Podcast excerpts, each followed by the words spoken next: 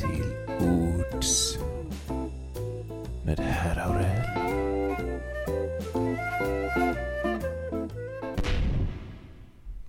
Hej och välkomna till Till Ords med herr Aurell. I det här första avsnittet så kommer vi att få möta Kalle Lind och vi ska prata lite grann om sensmoral i barnböcker och liknande saker. Allra först så ska vi lyssna på sången Sensmoralen från skivan Till Bords med herr Aurell.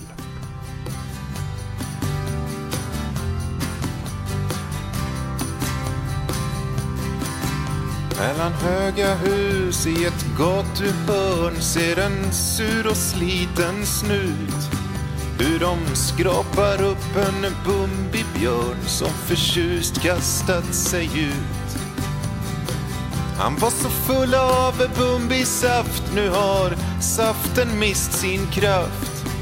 Han har flugit hela vägen ner men han flyger aldrig mer och sensmoralen av det det är att inte testa PCP men sensmoralen vi fick var drick du kommer få en häftig kick i en tråkig by och med glåmig hy driver Bamse och Asterix. Deras ideal är ett flagnat skal och de jagar nästa fix. De slogs mot förtryck, det var magisk dryck och det var drag i honungen. Men av dem de slog var där en som dog och de ser hans ögonen och sens moralen av det, det är att inte koka GHB men sens moralen vi fick var drick. Du kommer bli en trevlig prick. Doktor Snagel står med otvättat hår i en lysrörskorridor. Han har inget kvar av Sydberret dar. Han har tagits till förvar. Han blev hittad en dag i ett dike. Nu får han matas på klinik.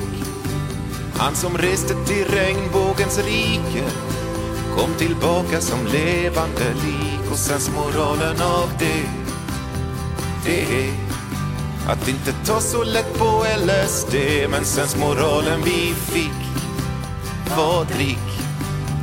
Nu står han där med pingublick. Medan vilse dödar makan styrd av röster i pannkakan. Och Karl Alfred tuggar katt och sedan inte gör ett skvatt. Och sens moralen av det, det är ha mindre knark i sånt som barn ska se för sens moralen vi fick var drick du kommer få en häftig kick du kommer få en häftig kick kommer få en häftig kick. Då hälsar jag välkommen till Till Ords med herr Aurell. Oerhört fyndigt. Jag vet inte vad jag ska säga. Oerhört fyndigt. Men, eh, till så... ords, alltså du leker med begreppet till bords. Men säger istället till ords. Så är det. Var får han allt ifrån, undrar man. Ja, med mig har jag den eh, kanske nu lätt ironiske Kalle Lind. Aha. Som ju är, du är ju numera väldigt celeber, känd från På spåret och diverse uppdrag i tidningar och eh, ja, äldre jag, sammanhang. Man, det är så svårt det där, man är ju hela tiden känd för sig själv. Ja. Jag vet ju allt för väl vem jag är och eh, men jag skulle säga att lika ofta som det förvånar mig att folk känner till mig. Mm. Alltså efter På spåret, alltså flera veckor efter På spåret så gick jag på Malmös gator. Gick förbi ett av stans många byggen och så ropade ett blåställ till mig. Ja du Kalle, varför drog du så snabbt på San Diego?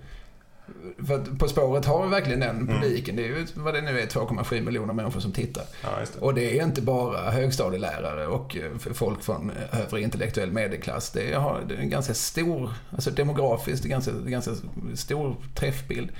Men å andra sidan så händer det gick jag på ståuppklubb nu i veckan där mina närmsta vänner uppträdde. Mm. Och han i kassan hade inte en aning om vem jag var. Nej. Så att eh, det finns liksom inte...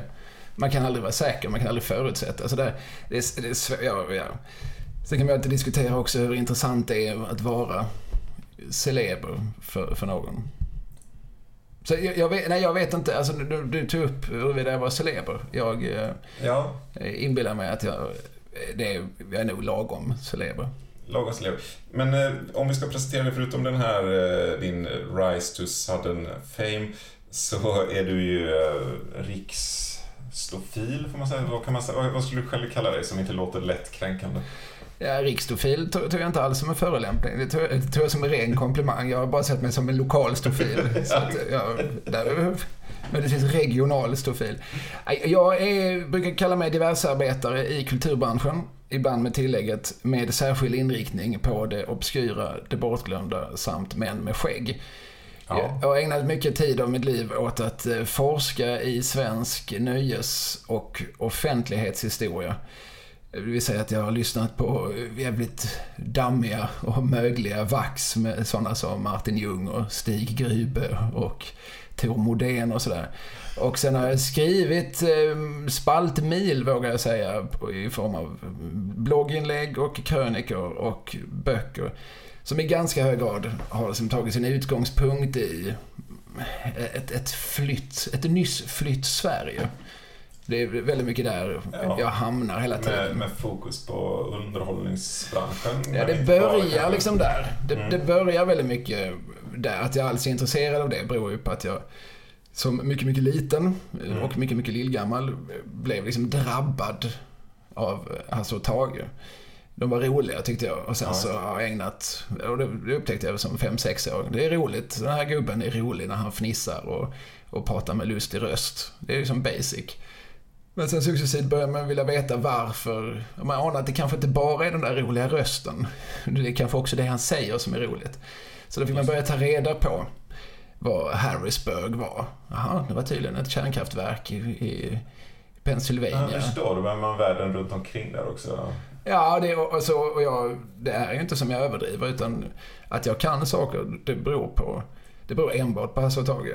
Det är därifrån allt mitt, mitt kunnande, hur stort det nu är, men, men, men det är därifrån det emanerar. Nej, jag förstår det. Jag är lite, så här, jag är lite historienörd, men då kommer det nog från att när jag var liten så var jag intresserad av krig. Liksom. Och sen så börjar man läsa mer om krig, måste man förstå sammanhangen runt och sen så kan man som vuxen börja bry sig om ja, andra ekonomin och sådana saker som man aldrig skulle befattat sig med som 12-åring. Ja, just det. Man har ju ofta någon sorts ingång i saker. Alltså det är ofta Ja. någonting som har väckt ens, ens intresse. Därför ifrågasätter jag lite grann så allmänbildningsbegreppet. Jag säger att jag är inte allmänbildad. Jag är specialbildad. Jag vet jävligt mycket om jävligt lite. Men, men, men det är också så att fördjupar man sig i ett ämne Ja. så öppnas hela tiden dörrar till nya ämnen. Du har ju också ett ämne som ändå knyter an till sånt som vanliga människor känner till, till skillnad från eh, någon som bara kan ljud till exempel. Ja, lite Hats. grann. Och sen är jag ju också intresserad av att själv skämta lite och sådär. Alltså jag... Jag har ju många liksom fellow nerds där ute. Jag har ju många informanter och så som, som förser mig med, med, med, gamla, med, med gamla spår på olika mp3 och sånt. Och det är ju ofta killar. Mm. Jag skulle säga 97% är killar. Eller män. Penisbärare. Ja. Och många av dem är ju inte så eh, socialt kompetenta. Nej, här finns ju en koppling till det här militärhistoriska som ju är en eh, extremt manlig bastion föreställer jag mig. Jag Ja.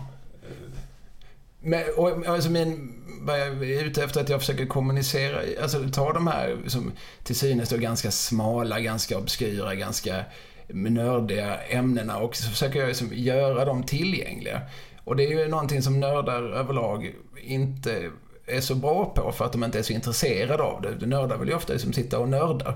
ja. Men jag vill ju ta det där nörderiet och föra ut det på någon sorts offentlig arena. Ja, jag förstår. Det är, det är en väldigt fin eh, kulturgärning måste jag säga. Som eh, lite så Jag ser, jag ser mig verkligen som nörd. Jag ser mig bara som seminörd när det gäller underhållningshistoria. Sådär. Jag tillhör ändå de som faktiskt har suttit och lyssnat på Karl Gerhard frivilligt mm. förstås.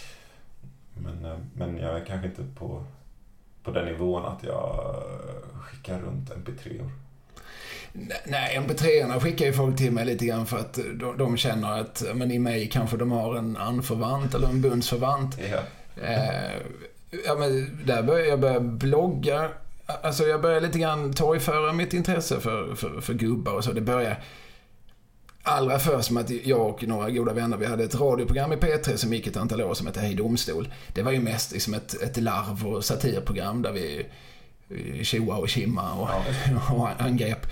Ibland även människor som, som lyssnarna kände till. Ja. Men, men, men, där någonstans, alltså man skulle ändå fylla två timmar, två dagar i veckan, fyra timmar per vecka med, med skämt.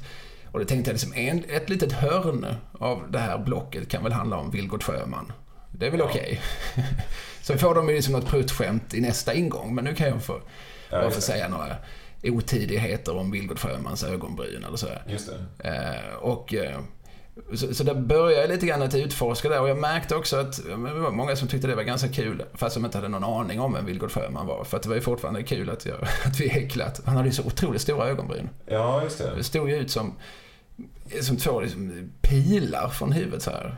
Långt det, utanför huvudet. Är det en intressant upptäckt för dig? Eller för du måste ju ändå ha gjort den att uh, du du presenterar gärna din podd snedtänkt som att det här är en sån här, vi pratar om det som ingen annan pratar om. Och det är ändå kanske en av Sveriges populäraste poddar på något sätt, eller den väldigt... Det finns en motsägelse i det, men, men det, är, det finns också, det där är ju också framgångsrik copy. Nej men då ska man säga, alltså det... det jag hör det, förstår jag. Men, ja, men, alltså, men menar, finns det en, genu, men, finns det en genuin förvåning i den, eller har du alltid vetat att det här, alla innerst inne vill ju älta Hasse och Tage? Nej, det har jag aldrig vetat, det har jag aldrig tagit för givet, det har jag alltid hoppats. Så ska man väl säga. Ja. Ja, men jag har alltid hoppats att om jag, om jag ställer mig på det här berget och skriker Hasse och Tage så kanske det är någon där nere i byn som säger Va? Var det någon som sa Hasse och Tage? Jag springer genast upp på berget.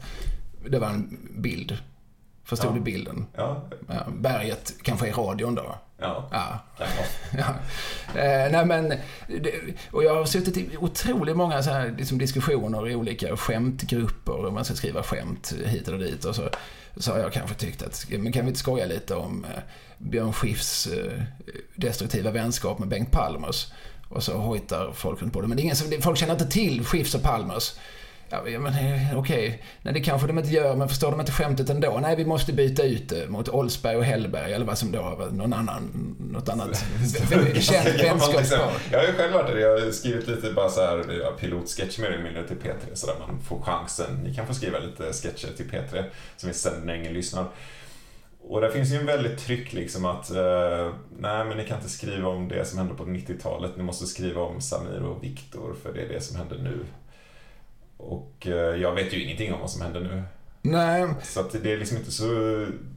Det blir inte så mycket från hjärtat om jag ska sitta och skriva om saker som jag måste googla innan. Nej, precis. Och därför har jag i väldigt hög grad lämnat i vad mån jag någonsin hade med den branschen att göra annat än liksom ytligt. Men, men skämtbranschen.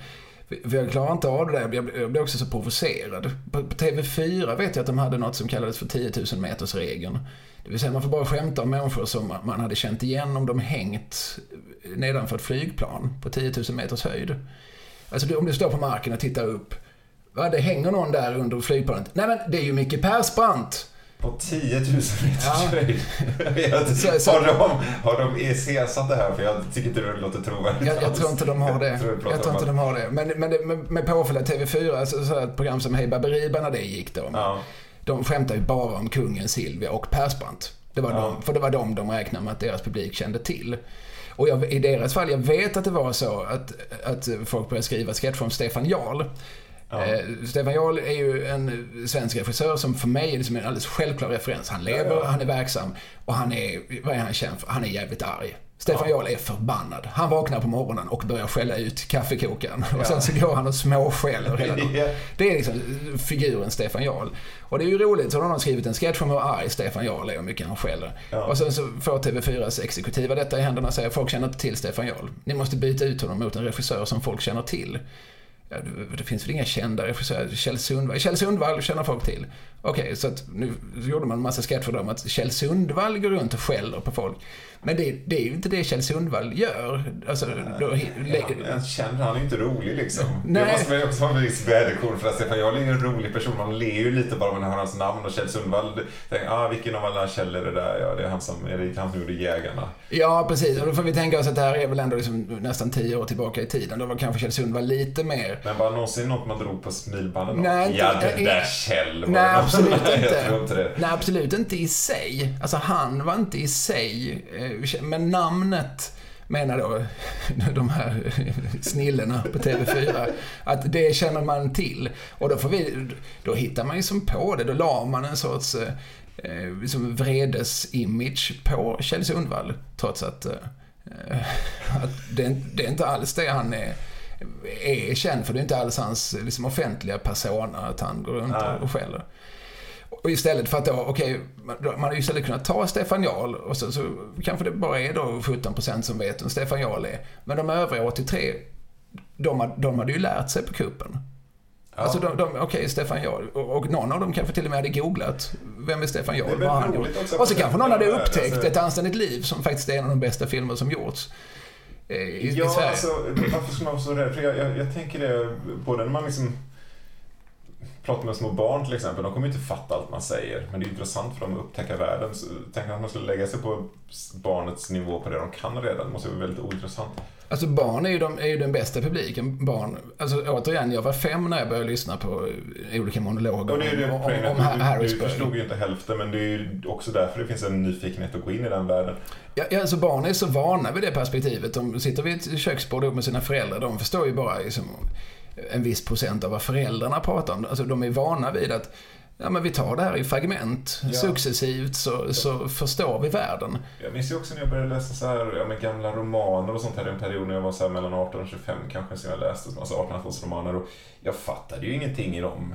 Mycket så här lärda referenser till andra som folk kanske kände till på den tiden. Chateaubriand och sånt där. Jag vet inte.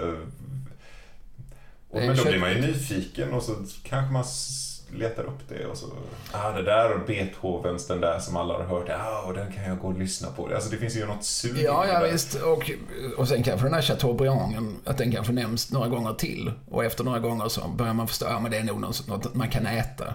Det kanske rent av är en köttbit. Alltså successivt ja. förstår du det. Ja. För det är ju så ord kommer till dig. Alltså, ja, barn, ju... barn förstår ju ingenting. Sen successivt börjar de förstå mamma, sen kommer pappa och sen till slut så kommer till och med ånglokomotiv. Alltså det, det, det går alltså successivt så, så lär du dig någonting. Ja, men, men om du inte är utmanad. Det finns en suggestion i det. Det finns, det finns något väldigt eh, lockande att någon öppnar dörrar och det, det är väl också därför jag tänker på det snedtänkta. Jag har ju suttit och läst din blogg också om, om eh, det är världar som jag inte känner till innan som jag vill in i. Jag vill inte höra Mikael Persbrandt en gång till för det är en värld som jag har tjatats till leda in i av kvällstidningslöpsedlar. Varför skulle jag vilja höra sketcher om det? Mm. Alltså, Nej men så har jag tänkt. Alltså, jag, I början, när man började göra radiohumor i början med 2002 och 2003 då försökte vi väl någonstans att, eh, att hitta ett, ett, tonfall där vi var begripliga och, och sådär. Men, men när man liksom känner att ja, men nu har vi liksom satt en programform här, nu kan vi börja utvecklas och experimentera. Ja, men låt mig sitta här i mitt hörn och göra lite, göra de här Vilgot Sjöman-grejerna. Och, och, och, sen, så, sen finns det också en sorts skämt som vi utvecklar väldigt mycket, att man, att man pratade om akademiledamöter och svenska biskopar som om de vore common knowledge. Just det. Alltså, ja, du vet Claes-Bertil Ytterberg, du vet som han brukar säga. Ja. och sådär, det, det, är alldeles självklart, det är ingen som vet vem Claes-Bertil Ytterberg var, han var biskop i Härnösand. Ja. Att, att, man, vi, vi satt och googlade upp ja. eh, olika namn så att vi kunde på ett självklart sätt säga, ja men eh, eh, Gunnar Lund, ja, ja du menar ministern för internationell ekonomi. Ja, ja, precis.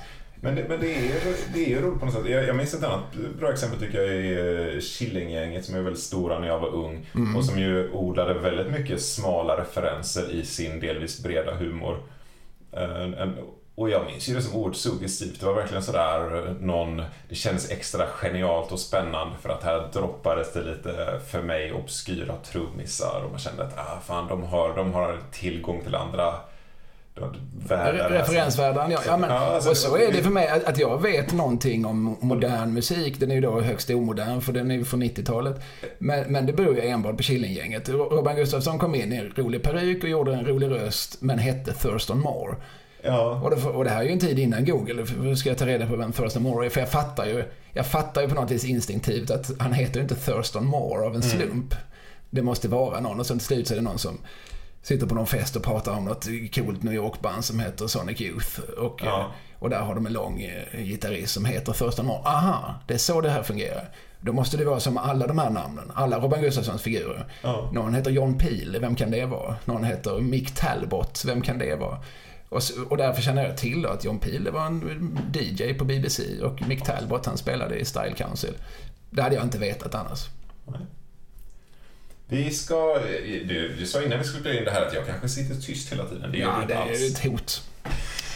Men det är ett tomt hot. ja, det är ett tomt hot. Jag anade det. Eh, det är ingen som har suttit tyst än så länge. Eh, vi ska inte bara prata om din karriär i allmänhet utan vi ska glida över på något mer specifikt. Men uh, först tänkte jag säga att uh, anledningen till att du är med här delvis är ju att du har skrivit förordet till boken till Just det. med det här Och uh, jag är ju väldigt smickrad över detta. Du, du är en av två exakt, tror jag, sådär mer kulturpersoner som har brytt sig om Ola Aurell på det sättet att ni frivilligt har vem är den andra? Eh, en finsk man som är Viktor Granö, vill jag minnas att han heter. Som mm. gjorde ett eh, radioreportage i svensk-finsk radio om...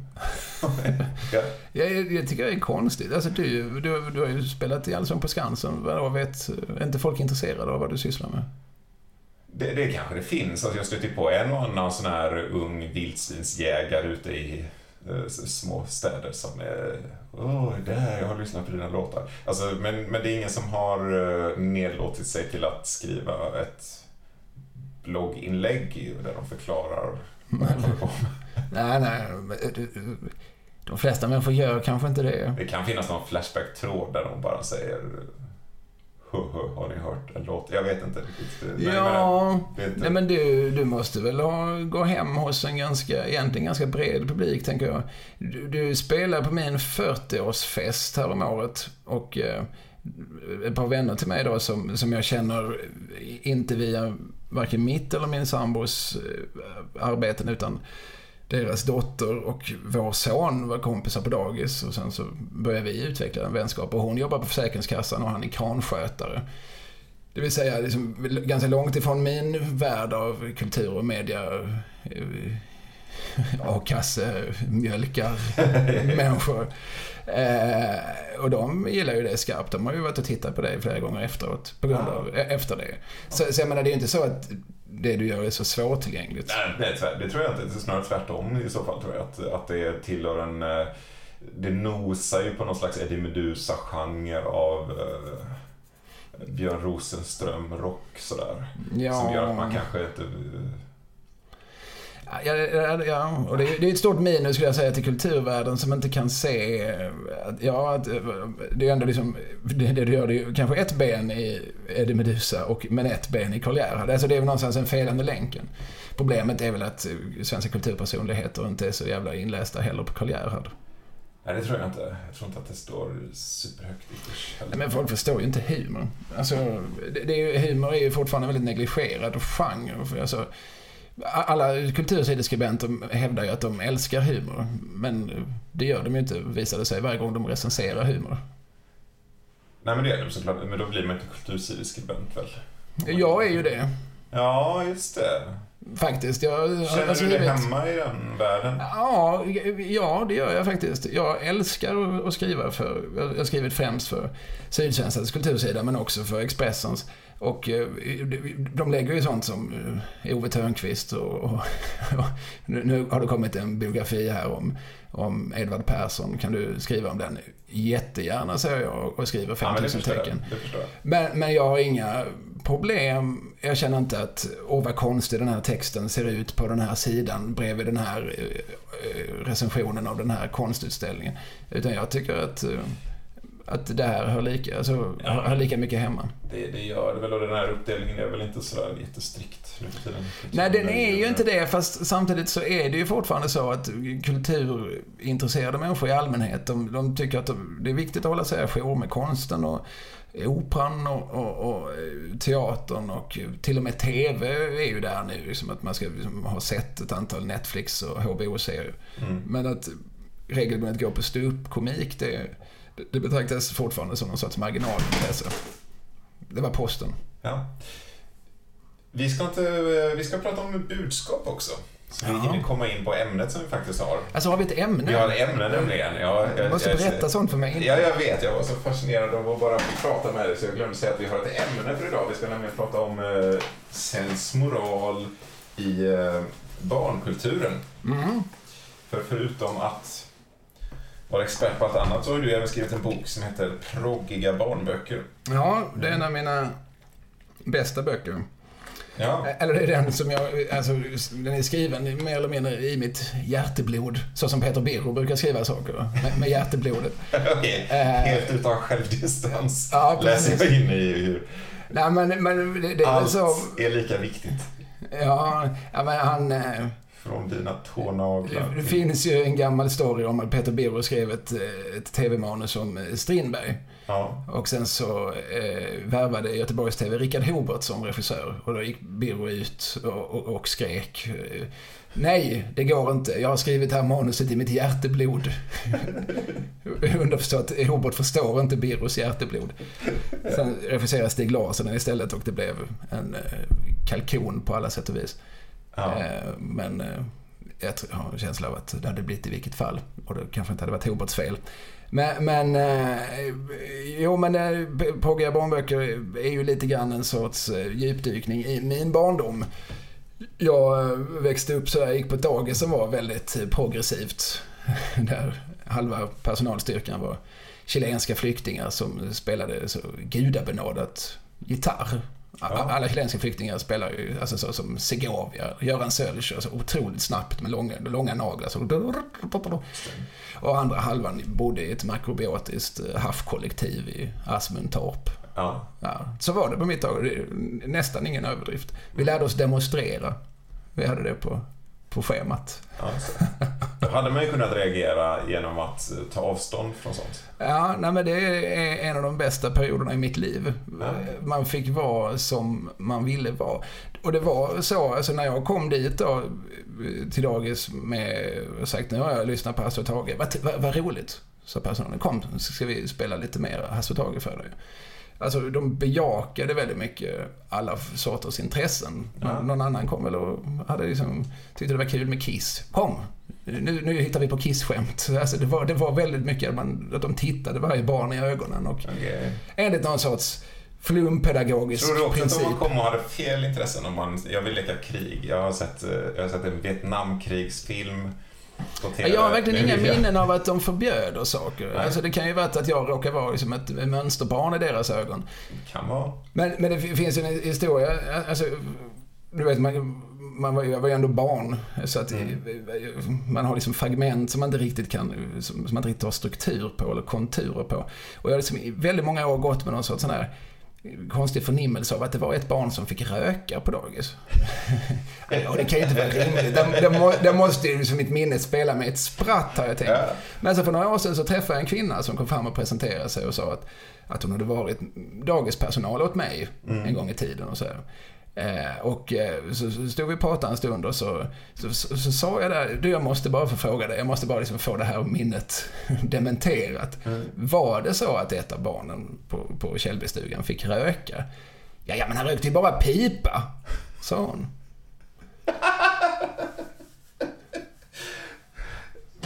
Ja, Ja. Och, och detta är alltså dagens sanning. Det är också. Ja. Eh, Eller dagsens sanning. Dagsens sanning. Då, då, då kanske vi ska använda det som en övergång in, för jag, jag tänkte, det är ju lite för att tramsa, men eh, tänkte ta det här med höger och vänster i barnkultur.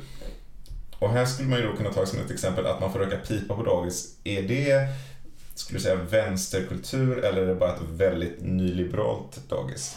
Där man får ansvara för sin egen Ja, idag hade du kodat som nyliberalt. Ja, Då var det ju vänsterflummigt. Ja, för jag tycker det där, det där är intressant. Jag har ju också väldigt så här, proggiga föräldrar, eller som var det en, en period i alla fall. Och eh, för dem var det ju väldigt viktigt till exempel att ta avstånd från hippies.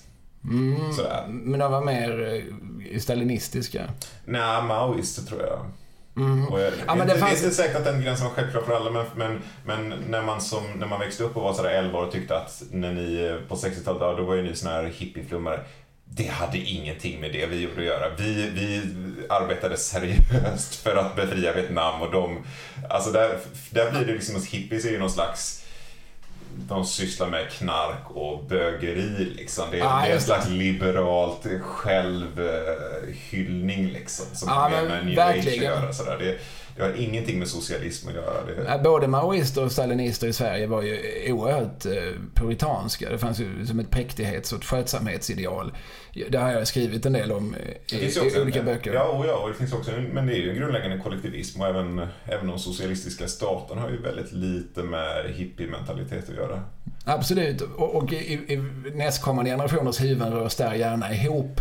Så man kan liksom gå på så här, någon slags retro kväll. Nu spelar liksom trädgräs och stenar. Och i, i början av kvällen så byter vi ut våra kronor till rubel. Så handlar vi i rubel. Ja, nu har ni missuppfattat alltihop. Det finns alltså, trädgräs och stenar är så långt ifrån gamla Sovjet du, du kan tänka dig. Ja, ja. Eh, men det är svårt från dagens perspektiv. Vi tolkar ju som allt som en och samma flumrörelse. Men i själva verket var den ju oerhört differentierad och de hatar ju varann. Ja, precis. Och det, det finns ju också, det är väl det är när man använder ett begrepp som höger och vänster, att man, att man lurar sig kring att det är liksom två poler. Medan det alltid finns fler. Och så det, och det, det är ju tydligt, inte minst nu när man börjar diskutera konservatism, liberalism, att de plötsligt tycker väldigt olika. Mm. Och man har så länge buntat ihop dem till en sak som är jättekonstruerat. Och går man ännu längre tillbaka så är det ganska självklart att på 1800-talet så är de väldigt olika saker. Ja, just det. och den tidiga svenska liberalismen står ju socialismen mycket, mycket närmare än vad de står konservatismen. Det är ju som Ja, liberaler och socialister tillsammans som, som röstar igenom eller eh, allmän rösträtt och sådär. De konservativa tyckte ju att det ska ju graderas efter inkomst. Och Ja, och- Sådana där otäcka fruntimmer ska ju inte rösta. Ja, plus att det flyttar runt. Så det finns ju många sådana roliga exempel på det. Du har väl själv tagit upp sån här, eh, den här homoskräcken som fanns i, i, i alla fall en viss del av kommunistvänster på 70-talet. Ja, ja. Till exempel, som ju går tvärs emot vad det skulle vara nu. Och jag tror Marcus Johansson har skojat lite grann om hur 90-talsvänstern kunde vara så här extremt antiglobalistisk och tycka att USA ska bort från Europa och en massa andra saker som är nu sånt som Donald Trump står för ungefär. Och där man har liksom bytt spår bara för att Donald Trump eller andra har bytt spår. Eller sådär, oj, man kan inte gå ur EU, galna högerdårar i, i Storbritannien. Mm. Och att det finns, ja. ja det, det, det, det är en intressant karta i alla fall, men, men eh, vi, vi måste... Du har ett ärende här. Jag har ju ett ärende precis. Och vi ska inte bli för seriösa, utan vi ska istället kasta oss in i... Ah, nu börjar tramset. Ja, trams och sådär, det kommer ju aldrig bli trams. Nej, nej. Jag måste ha på mig tramshatten för att det ska bli trams. Och jag, Och det kan du inte ha eftersom du har hörlurar. Ja, precis. ja. Nu blir det tramset. Nej, men eh, nej, låt oss hålla det seriöst med att prata om tramsiga saker. Och då tänker jag eh, högerkultur i barn, för det finns ju uppenbarligen mycket vänsterkultur i barnböcker. Hur man nu definierar det. Ja, men alltså, vi kan, vi kan göra en liten definition där. Alltså, Ja. om man, för den här boken jag skrev, då, Pågiga barnböcker. Mm. Jag upptäckte att mellan 1968 och 1982, Ja. väldigt tydlig början, väldigt tydligt slut.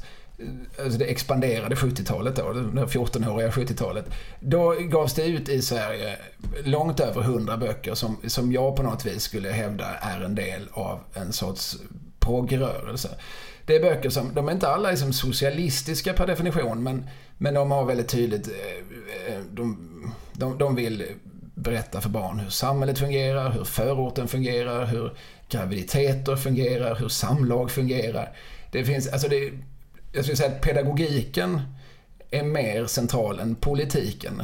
Men, Ja, men det pedagogiska, den pedagogiska ambitionen är någonstans i sig politisk. Det fanns en idé om att barn har rätt att få veta, barn har rätt att inte bli förda bakom ljuset. Vi ska inte hålla på med tomtar och troll, vi ska inte hålla på med att det är storken som kommer med barnen.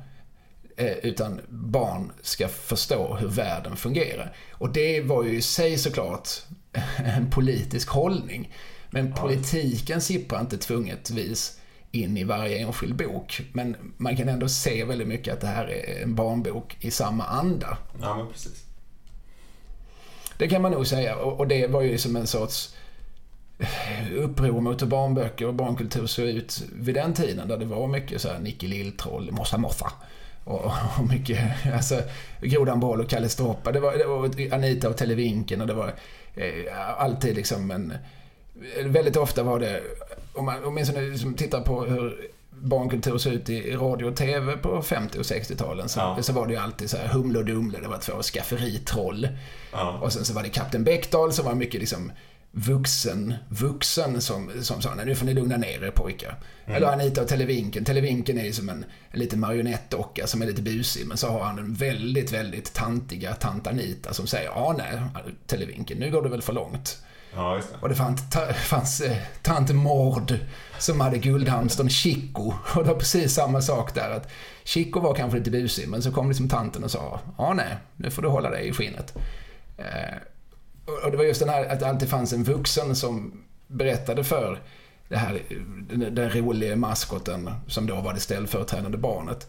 Hur det, alltså, att nu, nu, nu bryter du mot normen här. Det är lite kul med det normbrottet, men det finns ändå en vuxen som hela tiden säger nu går det för långt. Ska man säga att det är höger eller är det mer en så här socialdemokratisk socialingenjörskonst, sensmoral? Ja, både och. Alltså, för att förstå, alltså socialdemokratin har ju haft liksom minst två ansikten eftersom vad fan, halva Sverige var ju kollektivanslutet en gång i tiden så det fanns ju Ja. jävligt många sosse-ansikten. Men det fanns ju en som en vänstersocialdemokrati som, som flörtar, kunde flörta både med det flummiga och med det, med det stalinistiska. Men så fanns det ju också en, där fanns ju från början inom socialdemokratin en väldigt stark så här, ett, ett skötsamhetsideal. Ja. Man, man tyckte väldigt illa om alkoholister och trasproletärer och sånt. Man Oh ja. Eh, och människor ska sköta sig. Gräsmattor ska vara ansade. Eh, klockan, klockan 22 ska det vara släckt och tyst. Mm. Och, och så här, jag har själv bott i en HSB-förening i Malmö som fortfarande på 00-talet predikade väldigt mycket de idealen. Eh, Efter 22, alltså det, det, man, det gick inte att komma in i huset om man inte hade nyckel Ja. efter, om det var 21 eller 22. Alltså man kunde inte, då stängde de av porttelefonen. För vi vill inte ha besök efter klockan 22. Sa de. Ja, men jag är ju också ett vi. Jag vill ha det. Ja. Men, nej, men kollektivet har bestämt det. Kollektivet representeras ju av, av dig, otäcke HSB-gubben med stora svettfläckar i bananskjortan. Det är ju du som är kollektiv. Det kändes väldigt sossigt på det dåliga sättet. Mm. Eh, nej men så, så att Anita Televinken som då liksom är en del av den eh, stats... Inte statsägda, men statsstyrda eh, televisionen. Och eh, det är, ju- ja, det är väldigt socialdemokratiskt på något sätt, men det är också... Men det är liksom någon sorts höger... En konservativ socialdemokrati. Just det. Om man skulle prata om Pippi Långstrump. Jag, jag skojar någonstans i, i boken eh, till bords med det här är Aurell. Eh, om Pippi Långstrump är så oerhört eh, högerliberal. Mm. Men Så behöver det ju inte uppfattas. Hur skulle du uppfatta? Ja, men Pippi Långstrump är ju ändå en tickande bomb. Alltså det, det finns ju någonting, det finns ju någonting så här otvetydigt anarkistiskt över hur Pippi Långstrump i den här kälkborgerliga lilla, lilla småstan går fram och liksom doppar huvudet i gräddtårtan på damernas uppstyrda kafferep och, och gör... Alltså hon bryter ju mot, mot eh, eh, småstadens förkvävande normer eh, i en, stad, eh, eh, lite, alltså då den här lilla, lilla staden där Pippi Långstrump bor, dit hon kommer. Eh, den är ju väldigt tillrättalagd. Det är ju någon sorts eh, Sverige i miniatyr. Här, Ja, ja, men här eh, finns det en eh, järnhandel och en, och en godishandel och eh, här finns det liksom en eh, prudentlig lärarinna.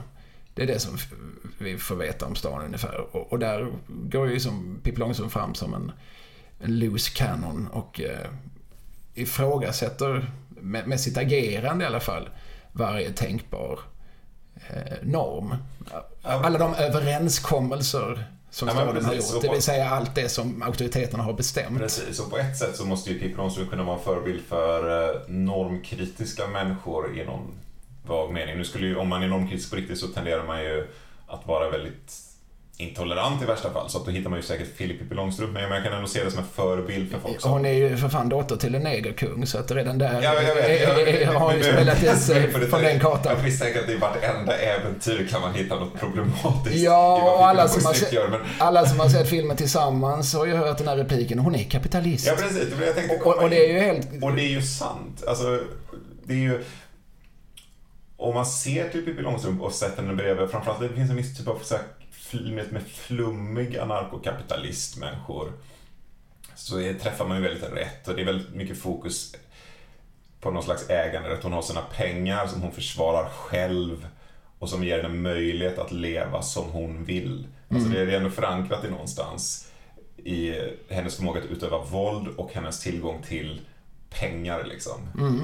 Nej, och och den Det, finns, det är aldrig några kollektiva lösningar egentligen. Det är väldigt individualism som är förankrad i egendom och självförsvar.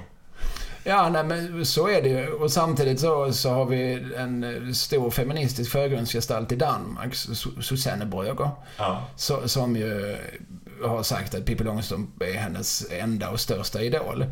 Eh, Ja. Och har varit- ett, någon sorts föredöme för henne genom hela livet. Men det är ju såklart, det skulle ju säkert många socialister säga att det, att det är som en individuell frigörelse som Susanne, Susanne Brögger har, har Det fanns en genomgått. sån diskussion också om att just feminismen som projekt kanske är, riskerar att vara något sånt här liberalt medelklassprojekt som handlar om individuell frigörelse. Alltså det, Ebba Witt-Brattströms eh, feminism är ju sådan. Hennes feminism handlar ju väldigt mycket om hennes rätt att bli professor på något sätt. ja, Eh, och att det liksom fördunklar klasskampen för att man borde slåss för de fattiga snarare än att slåss för eh, redan liksom privilegierade kvinnors rätt att förverkliga sina drömmar. Ja, men jag har ju träffat gamla kommunisttanter som, som inte vill kalla sig feminister. För, för, att, för att de tycker att, eh, att den f- alltså, om man hela tiden sätter kön framför klass så, så missar man den viktigaste frågan. Mm. Ja, men, Eh, Folk som säger att... eh, eh, Alltså, ja, men när feminismen har börjat handla om att man ska ha in x antal kvinnor i styrelsen för kapitalistiska bolag, då, då känner inte jag mig så befrändad med feminismen längre. Nej, jag- jag- För jag tycker jag- inte det ska finnas förstå. några kapitalistiska bolag, säger de tanterna. Ja, nej, men jag, kan, jag, kan, eh, jag kan sympatisera med att det finns något... eh, Jag, förstår de kvinnor som eh, rör sig i de kretsarna och känner sig frustrerade, men jag, jag har svårt att se det som ett socialistiskt projekt. Mm.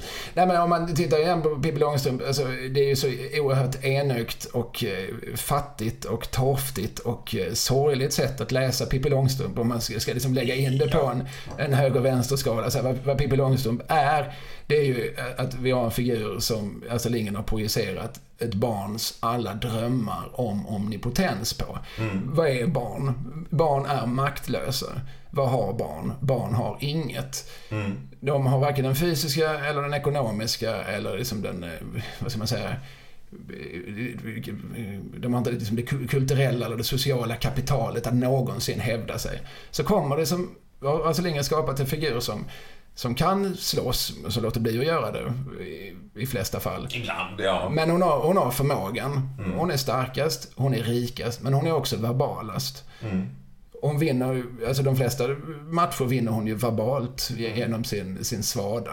Alltså det är så hon får liksom, gör både liksom Prussiluskan och Ja. skollärarinnan och Tommy och Annikas föräldrar liksom tokiga. Åh. Alltså, så det är, ju, det är ju det hon är på något vis. Alltså man får ju tänka sig in i ett svenskt 40-tal som är enormt prudentligt, där barn förväntas vara vattenkammare och, eh, vattenkammade och vara tysta när vuxna pratar. Det är där Pippi Långstrump, där kommer hon in och, och bryter mot normer. Att sen eh, vi nu har ett samhälle där barn, där vi har en annan syn på barn, David och Eva hade undantagen, men där de flesta av oss ändå som ser barn som, som individer som har någon sorts rättigheter. Så fyller väl kanske inte Pippi samma funktion på det sättet. Men, men det är klart att, det, att eh, det var ju en bomb när, när, den, när den kom. Det fanns ju, det finns ju ett mycket berömt citat, en, en eh, kritiker, jag tror han var professor i, i litteratur som, som kallar Pippi Långstrump för citat, något otäckt som krafsar på själen. Slutcitat. det är lite fint. Jag kan, jag kan ändå komma på mig själv att läsa Pippi Långstrump för min eh, treåriga dotter och tänka att eh, vad, ska hon lära sig av det här? Nej, idag kanske man inte kan lära sig så mycket annat än att, alltså det är ju, det är ju roliga, tokiga situationer, tokiga upptag. Och hon är ju någon sorts, ja, som en Chaplin eller en Bröderna Ja, Marx. Hon kommer in på en, ett tårtkalas och beter sig själviskt och illa. Mm. Vad ska min dotter få ut av detta? Ja, men då, ja, men mång, jag, jag har ju träffat många, eh, särskilt tror jag kvinnor i min generation som tycker att just de kapitlen är väldigt ångestladdade. För att, Mm. för att det är någon som, som gör bort sig. Och det, det här De fallet, känner sekundärskam. Ja, och det är det. Och det, jag tror också i alla fall i den här lite förkortade serieversionen så slutar det bara med att Pippi mår dåligt och säger Åh, det var det jag sa, kan inte hanteras på fester. Det går nog bra nästa gång Pippi, säger Tom och Annika. Slut. Ja. Det, finns ingen det finns ingen skön förlösande knorr. Det finns bara någon som har gjort bort sig. Ja, men, men är här- och det kastar ju någonstans liksom, strålkastarljus på, på andra sidor av, av, av, av Pippi. För att hon, någonstans förstår vi att Pippi vill ju också passa in. Alltså, alltså Astrid Lindgren har ju skapat en figur som, hon är ju omöjlig. Alltså hon, hon klarar ju inte sig i, hon klarar sig i kraft av sin styrka, i kraft av sin rikedom och i kraft av sin verbalitet. Men hon saknar ju den sociala förmågan. Eh, och det, det är många situationer som slutar med det. Alltså att hon någonstans liksom skäms eller känner att eh, det här borde jag kanske ha hanterat. Här, här fattas jag ju verktyg. Hon är uppvuxen på sjön ihop med olika sjömän. Alltså, så att hon har inte lärt sig hur man, Ja, hur man är en fin dam. Till exempel. Alltså, men det, det är faktiskt en, en, eh, en styrka hon, hon saknar då. Det är hennes kryptonit kan man säga. Ja, så är det. Men vad man ska lära sig. Alltså, det är också ett väldigt instrumentellt sätt att se på barnkultur tycker jag. Som, som, som i fortfarande i så oerhört hög grad är, är regerande. Folk blir liksom Jag tycker nästan jag skulle säga att det har ökat, måste jag säga. Ja, det Jag- går ju jag- fram och tillbaka, Jag att, eh, ja, ni vågar inte säga vad, vad, vad normen är för tillfället, men Jag Jag växte ändå upp med att det fanns något självklart med att de här Astrid Lindgren-figurerna som bara är kaotiska och lever sitt liv med så här, att, ja, men det är ju det moderna sättet att vara barnkultur. Loranga, Massarin och D'Artagnan, det är lite, det är lite crazy. Mm. Det, nu har vi kommit dit liksom, nu har vi släppt pekpinnarna. Men läser jag moderna barnböcker är det oerhört pekpinnigt. Det är ju våra tiders normer, men, men ibland är det som att man bara suttit och checkat av en lista över, det är lite mångfald och det är lite lära sig vettiga värderingar och ta hand om någon svag och ta på sig flytväst.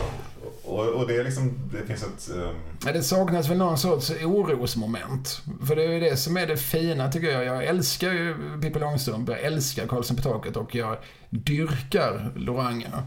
Mm. Eh, Lo- Loranga är som den utan konkurrens viktigaste boken i mitt liv. Ja, och, och den känns, alltså den är ju skriven i opposition mot någonting som man eh, uppfattar som kvävande antar jag. Men, jag ser ju aldrig att någon har försökt få in ett budskap i Loranga Massarin mer än allmän Nej, det- anarkism. Det är väl ett av skälen till att jag har kunnat ha den här boken med mig genom livet från, Mm. från 4-5 års ålder och uppåt. För att den, den påstår ingenting. Nej. Den, slår inte fast någonting. Den presenterar ett antal olika situationer som jag, beroende på var i livet jag befinner mig, kan använda olika. Som barn identifierar jag mig med Massarin och Ja. nu som vuxen så nu börjar jag väl allt mer identifiera mig med D'Artagnan. Men jag hade en kort Loranga-period. Jag har ju x- antal barn och, jag, och, och, och, Loranga har ju varit någon mån ett, ett, ett pappaideal för mig. Att, att, att gå runt i, i morgonrock och tehuva och, eh, och, och det finns vissa människor som säger så här, men Loranga är ju elak mot Massarin. Det är barnmisshandel, hörde jag senast i somras. En, en fullvuxen, friskförklarad människa säga till, Mm. till mig. Eh, Friskförklarad eller bara inte diagnostiserad ännu? Eller? Ja, men hon får gå, gå lös på gatan i alla Ja, fall. ja. Människan som sa att det är, ba, det är barnmisshandel. Och det tycker jag också man läser det enögt. Det är klart att det det det är oerhört, jag- alltså, jag har alltid tyckt det var lite roligt att Loranga, en, en vuxen, vägrar att låta sitt barn vinna. Ja. Det är ju en av liksom, de återkommande grejerna. Nu ska vi spela hockey med, med någon övermogen apelsin och några kvastar. Och trots, trots, trots att Massarin är bäst så vann Loranga. Och det, det, trots att de, de, de klipper ute på gräsmattan, klipper de löpningsbanor och trots att Masserin kom först i mål så vann Loranga. Ja. Och Loranga hittar på den här tävlingen där man ska se någonting och få poäng. Titta, jag ser en blomkruka, sju poäng. Nu är det du Masserin. Eh, jag, jag ser en död humla. Åh, ett poäng nästan. Säger Loranga. Det citerar jag och mina barn ofta. Liksom, ett poäng nästan. Ja. Eh, alltså, det kan man ju tycka, så ska ju inte fäder bete sig. Nej, absolut. Samtidigt vägrar ju Loranga att skaffa sig ett jobb med motiveringen, vem ska då leka med Massarin? Ja. Den repliken, skulle jag säga, är den bästa pappareplik som har funnits i någon barnbok någonsin. Jag kan, det är klart jag inte kan jobba, för vem ska då leka med mitt barn? Jag har ett annat exempel. När jag var ung så kom den här filmen Commitments. Som, Ja. som handlar om ett gäng Irish, eller Ja, just då Dublin. Eh, så, eh, fattiga människor som eh, startat soulband Ja. och, och får liksom Plötsligt blir de någonting. Plötsligt så åker de runt och, och, och folk kastar trosor på dem. Och, och, Mm. som vi, vi var noll och intet, nu blir vi någonting. Mm. Eh, och det minns jag att eh, någon skrev i, i tidningen ETC, som fanns redan på 90-talet, en, Mm. en, en analys av den där de menar att det här är, det här, det här är en jättebra film, men ingen kan komma och säga att, det, att, den, att den proklamerar liksom ett kollektivistiskt budskap. För att Mm. i slutet så, när ma- managern Jim, Jimmy, när han, när han lämnar eh, bandet så krackelerar det för att alla de, alla de här stora egorna kan inte samarbeta. Det, men det krävdes en auktoritet. Det krävs en manager som, som håller som piskan över bandet.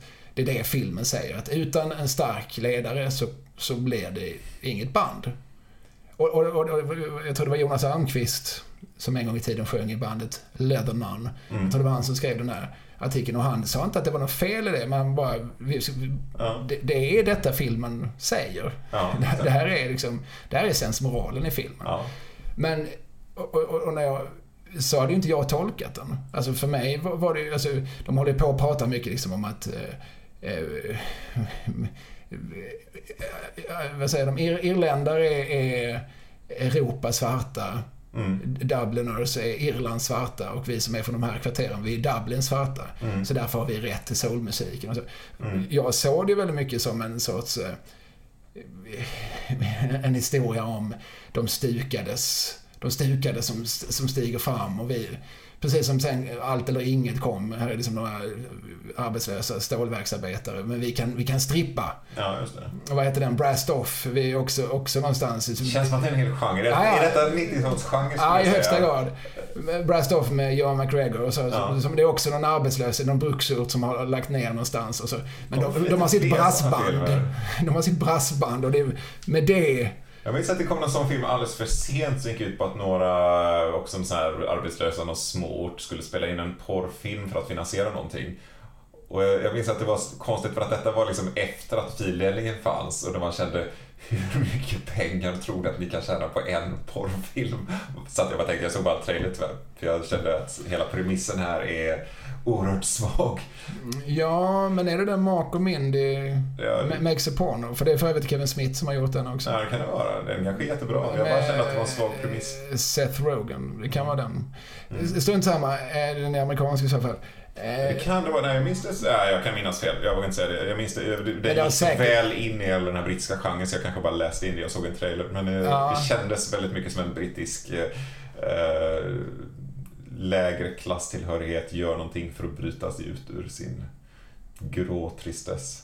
Jag, jag- jag var väldigt svag för den genren då, Ja. när det begav sig. Eh, Den gick ju rätt in i hjärtat på mig. Jag har väldigt lätt att ta till mig så här... Jag tycker om som skillingtryck, tycker jag. Elvira. Madigan. Ja. Jag blev otroligt tagen. Mm. I en sal på lasarettet ligger en bröstsjuk flicka och dör. Ja. Alltså, jag kan inte värja mig från det. Det är så otroligt. Barn dör, det är ju sant, det är ju fruktansvärt. Mm. Jag blir ledsen. Eh, Och det är lite grann så med de historierna också. De, de funkar så på mig. Jag blir, jag blir liksom styrkt, och jag blir arg och stark. Och nu, nu ska någonting förändras, tänker jag. Sen går jag hem och fortsätter mitt liv som vanligt. Ja. Men, men, men de, de går ju att läsa. Alltså, ah, min poäng här med det här resonemanget är att allting går att läsa som du, lite, lite grann som du behagar. Alltså ett, ett konstverk, oavsett om det är liksom en, en one-liner eller om det är en tv-serie, är per definition så komplext eh, och har så många lager i sig att du kan aldrig riktigt hävda Alltså, du kan, hävda, du kan hävda vad du vill, men du kan inte slå fast det som en sanning, att det här representerar detta, punkt. För det kanske representerar det, men det representerar faktiskt också detta, och detta. Mm. Du får slå fast, vad är sensmoralen här på det här samtalet? Ja, men sensmoralen skulle jag säga är att det, sensmoralen är mångtydig och komplex. Det är väldigt svårt att någonsin hävda med emfas och 100% i säkerhet att något konstverk någonsin betyder en, säger en sak. Det finns alltid eh, bottnar, det finns alltid fler plan. Kloka ord. Tack. Kalle Lind, tack så jättemycket för att du tog dig tid. Till ords med herr Aurell.